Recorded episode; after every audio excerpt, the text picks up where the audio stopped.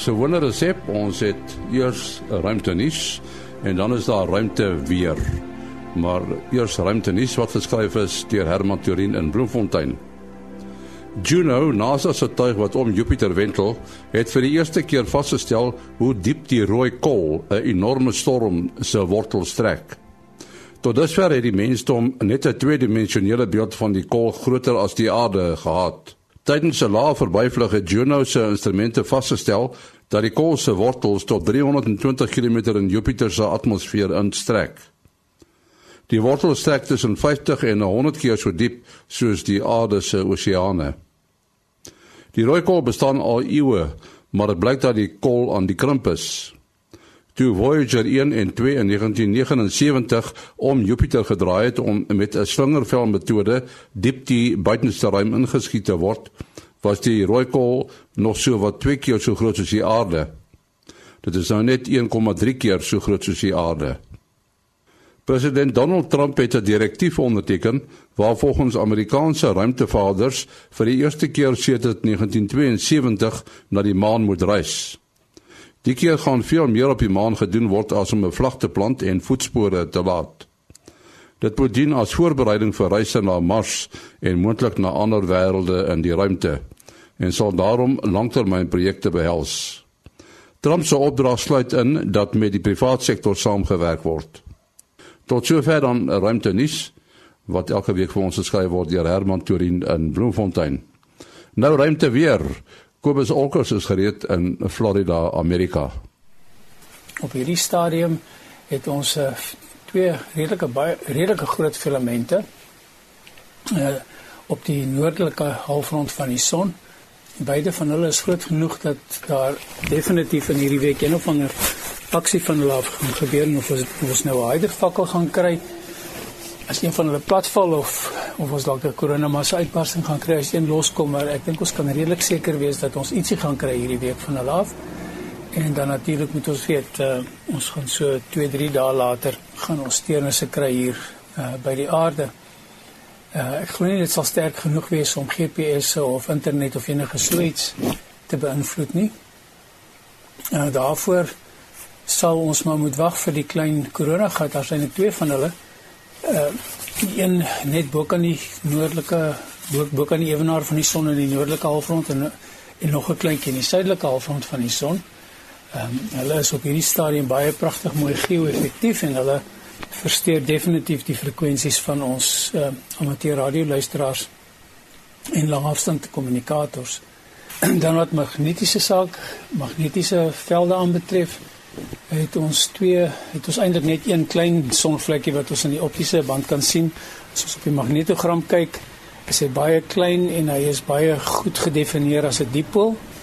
Uh, so die kanse vir enige komplekse uitbarstings van hom af koronas massa uitbarstings is is omtrent 0. En hy is eintlik so hy het eintlik so min energie op die oomblik dat mense hom eintlik uh selfs op die van die ekstra uh, foto's wat ons skryf van die satelliete af skaars kan raak sien. Dit was aan ruimte weer soos gewoonlik aangebied deur Kobus Olkers in Florida, Amerika. Ons span uh, sterrekundiges, sterre en planete is uh, soos gewoonlik op hulle poste. Dis uh, wil ek kort daarvan die SAAO en uh, professor Mati Hofman van die digitale planetarium op Naval Hill en natuurlik die Universiteit van die Vrystaat. As jy mens nou so opkyk, uh, wil jy dan sien jy mens nou, jy weet, meestal sterre en natuurlik hier en daar 'n planeet. Maar iemand moes gaan sit het of 'n klomp mense moes gaan sit het en name uitdink vir die voorwerpe daarbo. En ek weet nie of die name jy weet oral dieselfde is nie of dieselfde man 'n naam sou gegee het vir 'n ding wat 'n ander ou ook 'n naam sou voorgehad het. Uh hoe het sterre hulle name gekry? Die oorspronklike stername is ongelooflik van hulle is 2 3000 jaar oud en uh as ons nou dink aan Sirius en Betelgeuse en Rigel en hierdie bekende bekende sterre ehm um, dan is dis dit baie oud en dit kom al van van geslagte geslagte aan en en dit kom natuurlik die meeste van die name is natuurlik of uh, Arabies of dan Grieks en, en Latyn. Ons dink ons is uh, vreeslik ehm uh, spoggerig deesdae met ons big screen TV's. Nou ja, daai mense het big screen TV's gehad wat van horison tot horison gestrek het. En uh saans rondom vure gesit en die wonderlikste stories oor vertel en ehm um, so van die mitologie wat ons vandag nog ken kom amper sê ek duisende jare aan. En uh dan het hulle natuurlik die die uh figure opgemaak uit uh die die sterre daarbo soos jy sê alle kulture het nie noodwendig dieselfde name gebruik nie. Die Chinese en so is natuurlik heeltemal anders as jy self 'n guns wil doen um Stellarium, die programmetjie waarvan ons baie praat. 'n uh, wonderlike programmetjie waarmee jy die naghemel vir jou kan simuleer. Ehm um, nou as jy hom afgelei het dan uh, kan jy sien as jy by sy stellings gaan, uh kan daar's byvoorbeeld hulle noem dit sky cultures uh die ding se naam is ook Starloor en dan die westerse een is maar die een waaraan ons gewoond is. Maar daar is 'n hele klomp uh verskillende uh noem dit maar sky cultures wat uh Roemenian en um en natuurlik uit selfs uit uit Afrika is daar ook is daar ook name so dit's dui natuurlik meer op die mitologiese figuurtjies en hoe die mense die sterre verbind het om sekere goeders te te kry. Maar ehm um, die stername sal uit die aard van die saak ook ook daarmee gepaard gaan. Ja, nou uh, deesdae die benaming van sterre en van eintlik enige hemelliggaam word gedoen doen deur die AIU, die International Astronomical Union. So dis 'n wêreldwye liggaam uh wat verskillende werksgroepe het wat dan uh, uh, verskillende goederes uh, sal um sal reël en en en voor en voor betrokke is. Nou hulle het onder andere 'n werkgroep wat se naam is Working Group on Star Names. Deesdae is 'n bietjie van 'n afwyking om om nou net in die aard van die saak die name seker nog opgeraak die die tradisionele name en uh nou kyk elke ster omtrent daar in die hemel wat ons kan sien of ten minste teleskope kan bykom sal een of ander naam of 'n nommer hê uh gewoonlik net 'n nommer en daar's verskillende nommerstelsels en dit is maal 'n baie lam lomp groot lange nommer. En dit is maar waarna sterrekundiges uh gaan verwys as hulle wil hê iemand anders wat 'n verhandeling lees moet na dieselfde ster kyk uh, uh as hulle 'n sekere gedrag of so op 'n ster opgetel het. Maar hulle werk ook daaraan om meer en meer sterre uh, name te gee. Nou uit die hart van die saak het nie die helderste sterre het aanvanklik name gekry. Nou soos wat daar me, meer en meer dowwer sterre uh begin nou ook ook name te kry. Nou hulle het um nou sopas 'n uh, lys van 86 uh, nuwe name vrygestel. Uh en dit kom nou uit allerlei kulture uit Australië, uh die die die, die Australiese inboorlinge, uh Chinese, Hindu, Maya uh, en dan ook Suid-Afrika. En uh en dis wonderlik, dis nou twee sterre in uh, in die skorpioen. Uh Mu 1 en Mu 2 is 'n dubbelster. Nou het hulle 'n uh, 'n 'n Khoikhoi naam en uh, die naam is uh Kami di Mura en dit beteken letterlik die oë van die leeu. En uh, die twee sterretjies soos hulle daar sit, laat 'n mens nogal dink aan aan die die oë van 'n leeu en en sodra dit nou weer winter raak of as kan nou weer die skorpioen mooi bekyk, dan dan gaan ek nou graag kyk na hulle want dit is nogal nie te moeilik om om te kry nie. Willie, ja, ja, iets waaroor ek nou dankbaar is is dat die uh sterrame waarmee ons nou groot geword het uh waarna jy nou nou verwys het as die Arabiese, Griekse of uh Latynse tipe name is gelukkig baie foneties, weet uh dit is nie so moeilik om hulle uit te spreek nie. Nou daar's nou 'n moderne tale en ek gaan nou nie een taal uitsonder nie, maar wat as jy die naam sien, jy jou tong wat knoop om dit te probeer probeer uitspreek. Uh nou dis dis baie goed dat daar nou uit uh, verskillende kulture name ingevoer word, maar ek hoop dit kan so bly dat dit daarom redelik foneties is, uh dat ons dit min of meer dieselfde laat klink as ons dit uh, sou uitspreek bloot op grond van die uh die voorkoms van die van die naam. Uh Wat nou interessant is as as mens nou kom by die dowwer sterre, uh waar, waar wil jy nou verwys sê dat hulle almal maar uh, wat ons met uh, kleiner teleskope sien, weet ten minste nommers sal hê. Uh, dit kan gebeur dat 'n bepaalde ster twee verskillende nommers het. Dit hang af ehm um, weet vir watter doel sterrekundiges en met watter instrumente hulle op begin waarneem het soos die ouens wat nou met die hoë energie astrofisika werk en die X-straal of gamma straal teleskope sal dalk aan 'n bepaalde ster 'n uh, 'n nommer met letters vooraan gegee het wat betrekking het op die katalogusse wat hulle gebruik vir X-straal bronne terwyl die optiese sterrekundiges dalk weer 'n ander naam daaraan sal gee. En dan by geleentheid is dit belangrik om die inligting te kombineer. Dan verg dit nou nogal 'n poging om uh, om 'n ster uniek te kan karakteriseer dat almal weet as data vir 'n bepaalde ster uh gerapporteer word watter ster dit is want dit is juis wanneer data van verskillende teleskope by my by mekaar kom vir dieselfde voorwerp dat mens die meeste afleidings uh daaroor kan maak. Ja, die die die, die uh, new general catalog is nou een van daai name nê. Nee. Behalwe die die gewone stername, het jy dan nou die uh die die nie ster voorwerpe uh soos nevels en sterrestelsels wat miskien jy kan 'n teleskoop nie noodwendig sien wat dit is as dit nou maar 'n 'n klein teleskoopie is nie of as dit 'n baie dowwe voorwerp is uh maar jy kan ten minste sien dis nie 'n ster nie. En dan het hulle nou hierdie NGC uh nommers gekry was die Messier nommers. Uh jy sal nou byvoorbeeld ehm uh, 'n Messier 45 kry wat ook die Pleiades of die sewe susters is of Silimela. Dit is die uh, Sesotho naam ek en dan dan het mens natuurlik nou 'n uh, ander manier hoe jy die sterre name gee uh waar jy na die konstellasie verwys saam met die Griekse letters van die alfabet weet sê nou maar Alpha Cruxus is die helderste ster ster in die suiderkruis en Beta Cruxus die tweede helderste en dan gee jy so 'n uh alfabet af. Ehm um, maar die op elke reël is daar 'n uitsondering so dit gaan nie altyd so wees dat sê nou maar Alpha die Alpha ster van 'n konstellasie die helderste is nie hy kan dalk die wisselster wees wat nie altyd die helderste is nie. Uh daar's seker 'n paar voorbeelde wat daardie patroon nie presies so behou word nie. Uh, vir my altyd interessante voorbeeld is as jy nou na die uh uh al die Centaurus konstellasie kyk, dan is die helderste ster uh in daardie konstellasie is Alpha Centauri, dit is ook die helderste een van die twee wysersterre. Dan kom ons by 'n voorwerp Omega Centauri wat nou nie enkel ster is nie, dit is 'n uh, bolsvormige ster ster swerm, maar dit is nou mooi die begin en die einde van die Griekse alfabet, die alfa en die en die omega. So omega is uh is baie dowwer, maar mens kan hom nog met die uh blote oog sien. Ja, soos jy sê self sterre het natuurlik verskillende name.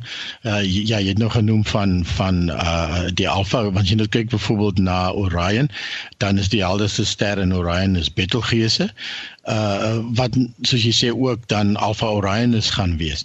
Um en dan is hy in die in die sogenaamde Flamsteed nommerstelsel is is hy ook uh, 58 Orionis. Nou uh, uh die Flamsteed stelsel vat elke konstellasie en begin dan uh noem dit nou maar van links na regs die ster, die sterre net nommers te gee. En uh een van die bekendstes wat die amateursterrekundiges seker sal ken wat ook 'n baie mooi bolvormige sterrehoop is wat jy nou gepraat het uh, is uh, 47 Tucane en uh, dit is dan die 47ste ster in die uh, in die in die sterrebeeld van die Tucan. So uh, ja, is jy verskillende verskillende maniere en so jy, jy gaan baie maal gaan 'n uh, sterre dalk 'n persoonlikheidskrisis bereik omdat hulle onder so baie name bekend staan. Maar dit seker maar met die mense ook so baie mense uh, staan bekend as hulle by byname so ja, maar net meer dieselfde stelsel. Ja, baie van julle het uh, waarskynlik nou al gehoor van die die die Voyagers wat uh, ver buite ons uh, sonnestelsel nou al is. Voyager 1 was nou onlangs in die nuus toe hulle uh, van die vuurpyle weer uh, aan die gang gekry het om koerskorreksies aan te bring. Nou wat dit is nou interessant dat uh, dat die vuurpyle nog werk na hoeveel is dit amper 40 jaar. Ja, ongelooflik. Uh, uh ek meen die uh Voyager 1 spesifiek nou is is so ietsie oor die 20 miljard kilometer weg van die aarde. Ek meen trek al baie in die diep ruimte in. As ek reg onthou, is dit al verby waar die son se invloed so sy invloed laat geld die uh, uh sogenaamde heliopause ons het al voorheen daarvan gepraat. So dit is 'n geweldige afstand.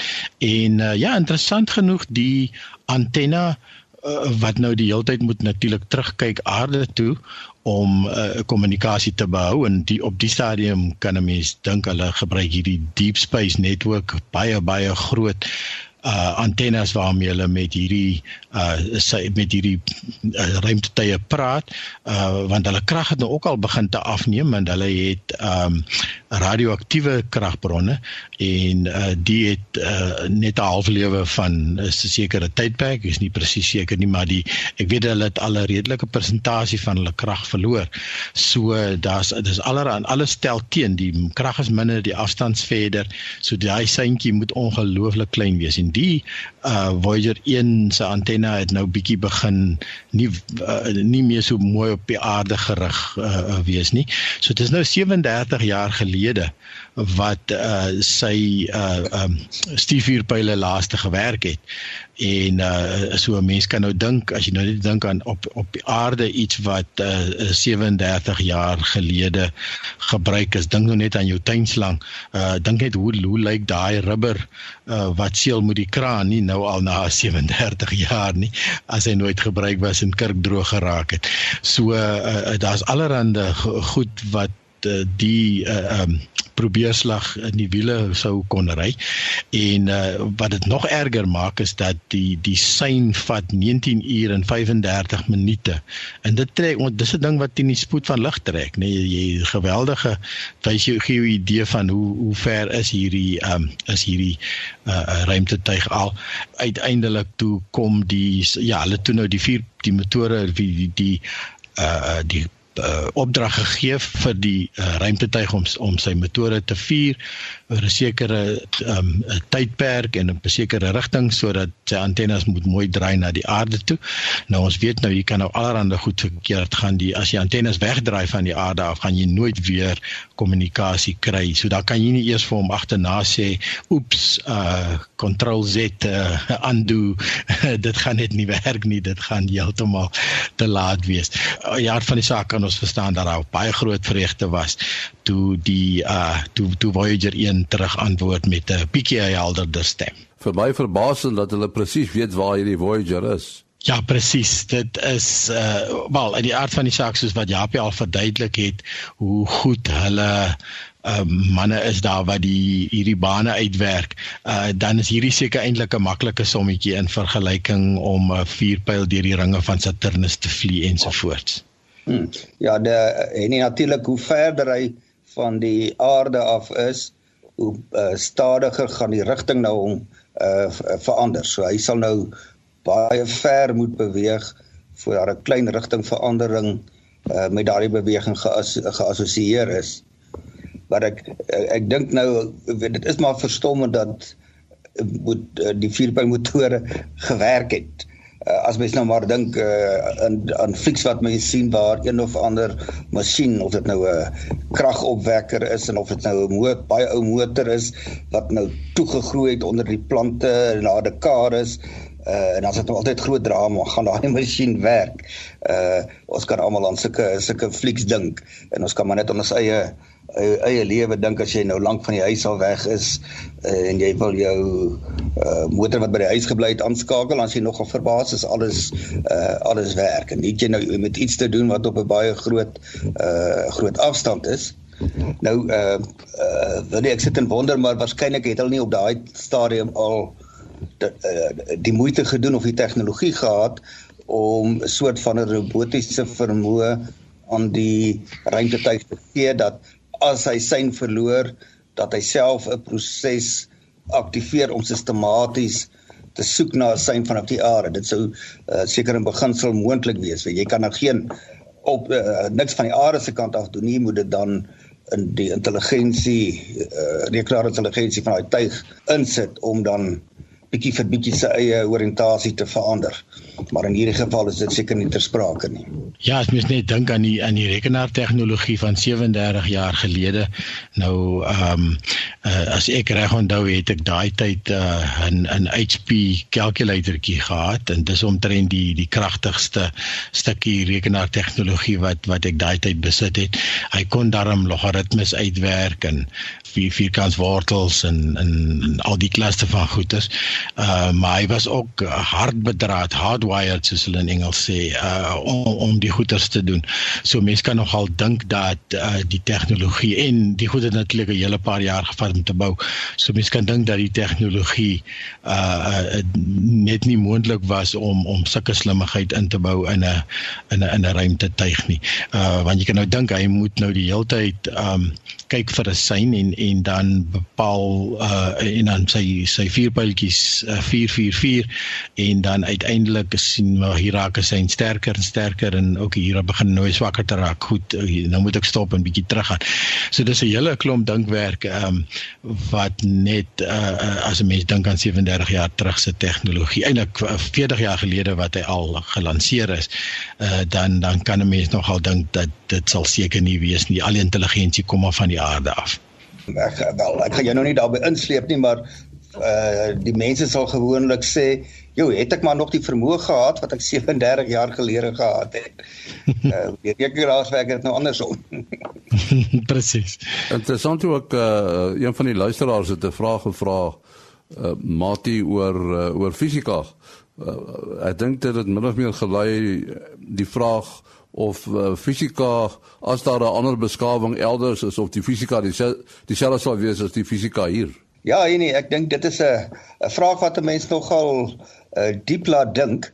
Uh, nou moet mens eerstens weer dink aan uh, weet die die status, die stand van ons fisika wat ons hier op aarde ken, wat nogal indrukwekkend is, maar ons moet gedagte hou dit het oor 'n kwessie van eeue tot stand gekom en soms tyds het het kennis en insig vir eeue stil gestaan as ons nou maar uh begin by die die verstaan van hoe byvoorbeeld die sonnestelsel werk uh wat in die tyd van die slim Grieke en hulle was heeltemal slim hulle het baie goeie wiskunde gedoen maar hulle fisika was nie altyd so goed nie weet hulle het vir eeue vasgehaak by iets soos die uh heliosentriese model en dan het dit genee geverg om net op 'n nuwe manier nie noodwendig baie ingewikkeld nie, maar net op 'n nuwe manier daarna te te kan kyk. En dan het dit uh daar verwys ons nou na die tyd van Copernicus en Galileo en so aan. Maar dan wat die uh dit alles het nog maar te doen gehad met die posisies en die beweging van die hemelliggame. Maar die fisika van die hemelliggame het buite bereik ge, uh, gebly om enigstens wetenskaplik daaroor te dink uh tot en met uh Newton uh, met sy gravitasiewet wat besef het dat die fisika wat hier op die aarde geld met betrekking tot vallende voorwerpe is presies dieselfde fisika wat op 'n baie groter skaal in die sonnestelsel werk. Nou wel, toe was die sonnestelsel vir 'n groot en 'n baie groot deel van die heelal. Vandag weet ons die, die sonnestelsel is maar weer 'n spikkeltjie net in ons eie uh, sterrestelsel. En nog 'n belangrike ontwikkeling wat by Newton begin het was die studie van die spektrum van lig en in die fisika die die teoretiese ding daaroor was baie belangrik maar die die tegnieke die meetinstrumente is absoluut essensieel daarsonder sou ons nie baie ver gevorder het nie. Dit is juis uh een van die uh leemtes wat van die baie slim uh, uh filosowe en wiskundiges teruggehou het. Hulle het bietjie neergesien op metings. Hulle het gedink die mense slim genoeg om bloot uit te dink hoe dinge behoort te werk en dit is weliswaar nie die geval nie. Maar in elk geval na die spektroskopie uh en uh, die spektroskope uh wat lig kon ontleed in terme van die samestelling daarvan. Dit was 'n reusagtige sprong van toe kon ons begin kyk na sterre en sterrestelsels op baie groot afstande en dit het vir ons gewys dat dieselfde elemente wat ons hier op aarde kry kom by al die sterre voor en uh, inligting wat daarna met 'n verskeidenheid van teleskope en ruimtetuie ingewin het sê vir ons oral in ons waarneembare heelal het ons presies dieselfde periodieke uh, elemente van die periodieke tabel en die atome werk dieselfde. So as mens nou 'n ander beskawing het wat na dieselfde hemelliggame kyk, al is dit nou van uh uit 'n totaal ander omgewing in die heelal, hulle sal nou mos maar dieselfde sien. Hulle sal dieselfde lig sien en die beste wat uh hulle hulle sal nie by fisika uitkom as hulle nie ook 'n metode kry om daai lig te ontleed nie. Ek kan vir my baie moeilik voorstel dat 'n totaal ander fisika jou in staat sal stel om te kan verklaar hoekom die lig vanaf totaal verskillende hemelliggame die die vingerafdrukke van dieselfde elemente openbaar. So dan moet 'n groot gemeenskaplikheid in die fisikas uiteindelik na vore kom mits daar die regte meetinstrumente bestaan en die, en die mense met die geniale insig te kom om daai groot deurbrake mo moontlik te maak. Want as mens nou aan die atoom dink, uh eerstens is die atome soos wat hulle is nodig vir ons uh wetenskaplikes om enigstens te bestaan. En uh tweedens hang die atome se eienskappe in terme van die tipe lig wat hulle uitstraal en watter golflengtes wat jy dan nou kan uh, kan meet hang af van die onderliggende fisika die fundamentele deeltjies die protone die elektrone uh, die neutrone jy sal dit baie moeilik op enige ander manier kan verklaar. So daar is sekere aspekte van die fisika wat jy jou moeilik 'n uh, ander verklaringswyse kan voorstel wat so goed sou kon werk, maar daar kan tog ook uh dalk sekere onderafdelings van die fisika wees wat jy met totaal ander modelle kan vorendag kom wat dalk nuttig kan wees, veral as jy by baie ingewikkelde stelsels uh kom, want ons modelle is nooit die volle werklikheid nie. Dit is 'n uh, 'n abstrakte abstraksie, oorvereenvoudiging van hoe die werklikheid daar is en dan moet jy maar by wyse van voorspellings uit jou model uit en metings van die werklikheid bepaal of jou model nuttig is uh al dan nie.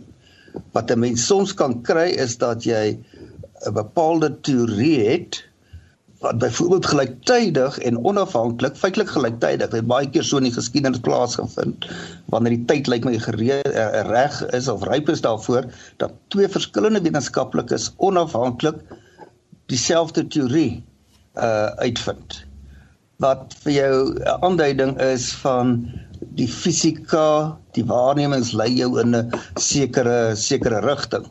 Wat wel ook gebeur het is dat verskillende wetenskaplikes twee teorieë voorstel wat totaal verskillend lyk vir dieselfde verskynsels. En albei werk en dan kom hulle later agter dat met diep wiskunde jy kan aantoon dat hulle dit tog ekwivalente uh teorie is en hier verwys ek nou na spesifiek die die kwantummeganika wat onder andere uh, die fisika van die atoom onderlê. Die kwantummeganika verduidelik vir ons juis hoekom lyk die ligspektra van die elemente soos wat dit lyk. Plus nog baie ander dinge wat jy daaruit kan kan vers, uh, kan verklaar. Nou uh, Erwin Schrödinger het in 19 uh, vroeg 1926 uh, met die sogenaamde golfmeganika gekom en Heisenberg Erwin Heisenberg het uh, feitelik gelyktydig ek dink net 'n bietjie vroeër het hy met die matriksmeganika gekom wat 'n meer abstrakte wiskundige formulering was. En dit het verskillend gelyk, maar albei het het goed gewerk. En uh toe Heisenberg met bou vir die wiskunde kon aantoon, jy kan die een teorie uit die ander uitherlei en en omgekeerd. So dit is dalk moontlik dat 'n ander beskawing 'n 'n uh, fisika of uh, aspekte van die fisika sal kan formuleer op 'n manier wat nie vir ons bekend lyk nie en suksesvol werk vir dieselfde verskynsels maar dan blyk dit na die tyd dat ons tog die teorieë met mekaar in verband kan kan bring. Kan ek net hoor uh, wat is jou besonderhede? Ja, mense kan bel of SMS of WhatsApp 072 4579208. 072 4579208. En dan Mati? Uh 0836257154. 0836257154. Onthou as jy nog ons boek sterre en planete wil bestel, dan SMS u sterre by 41199.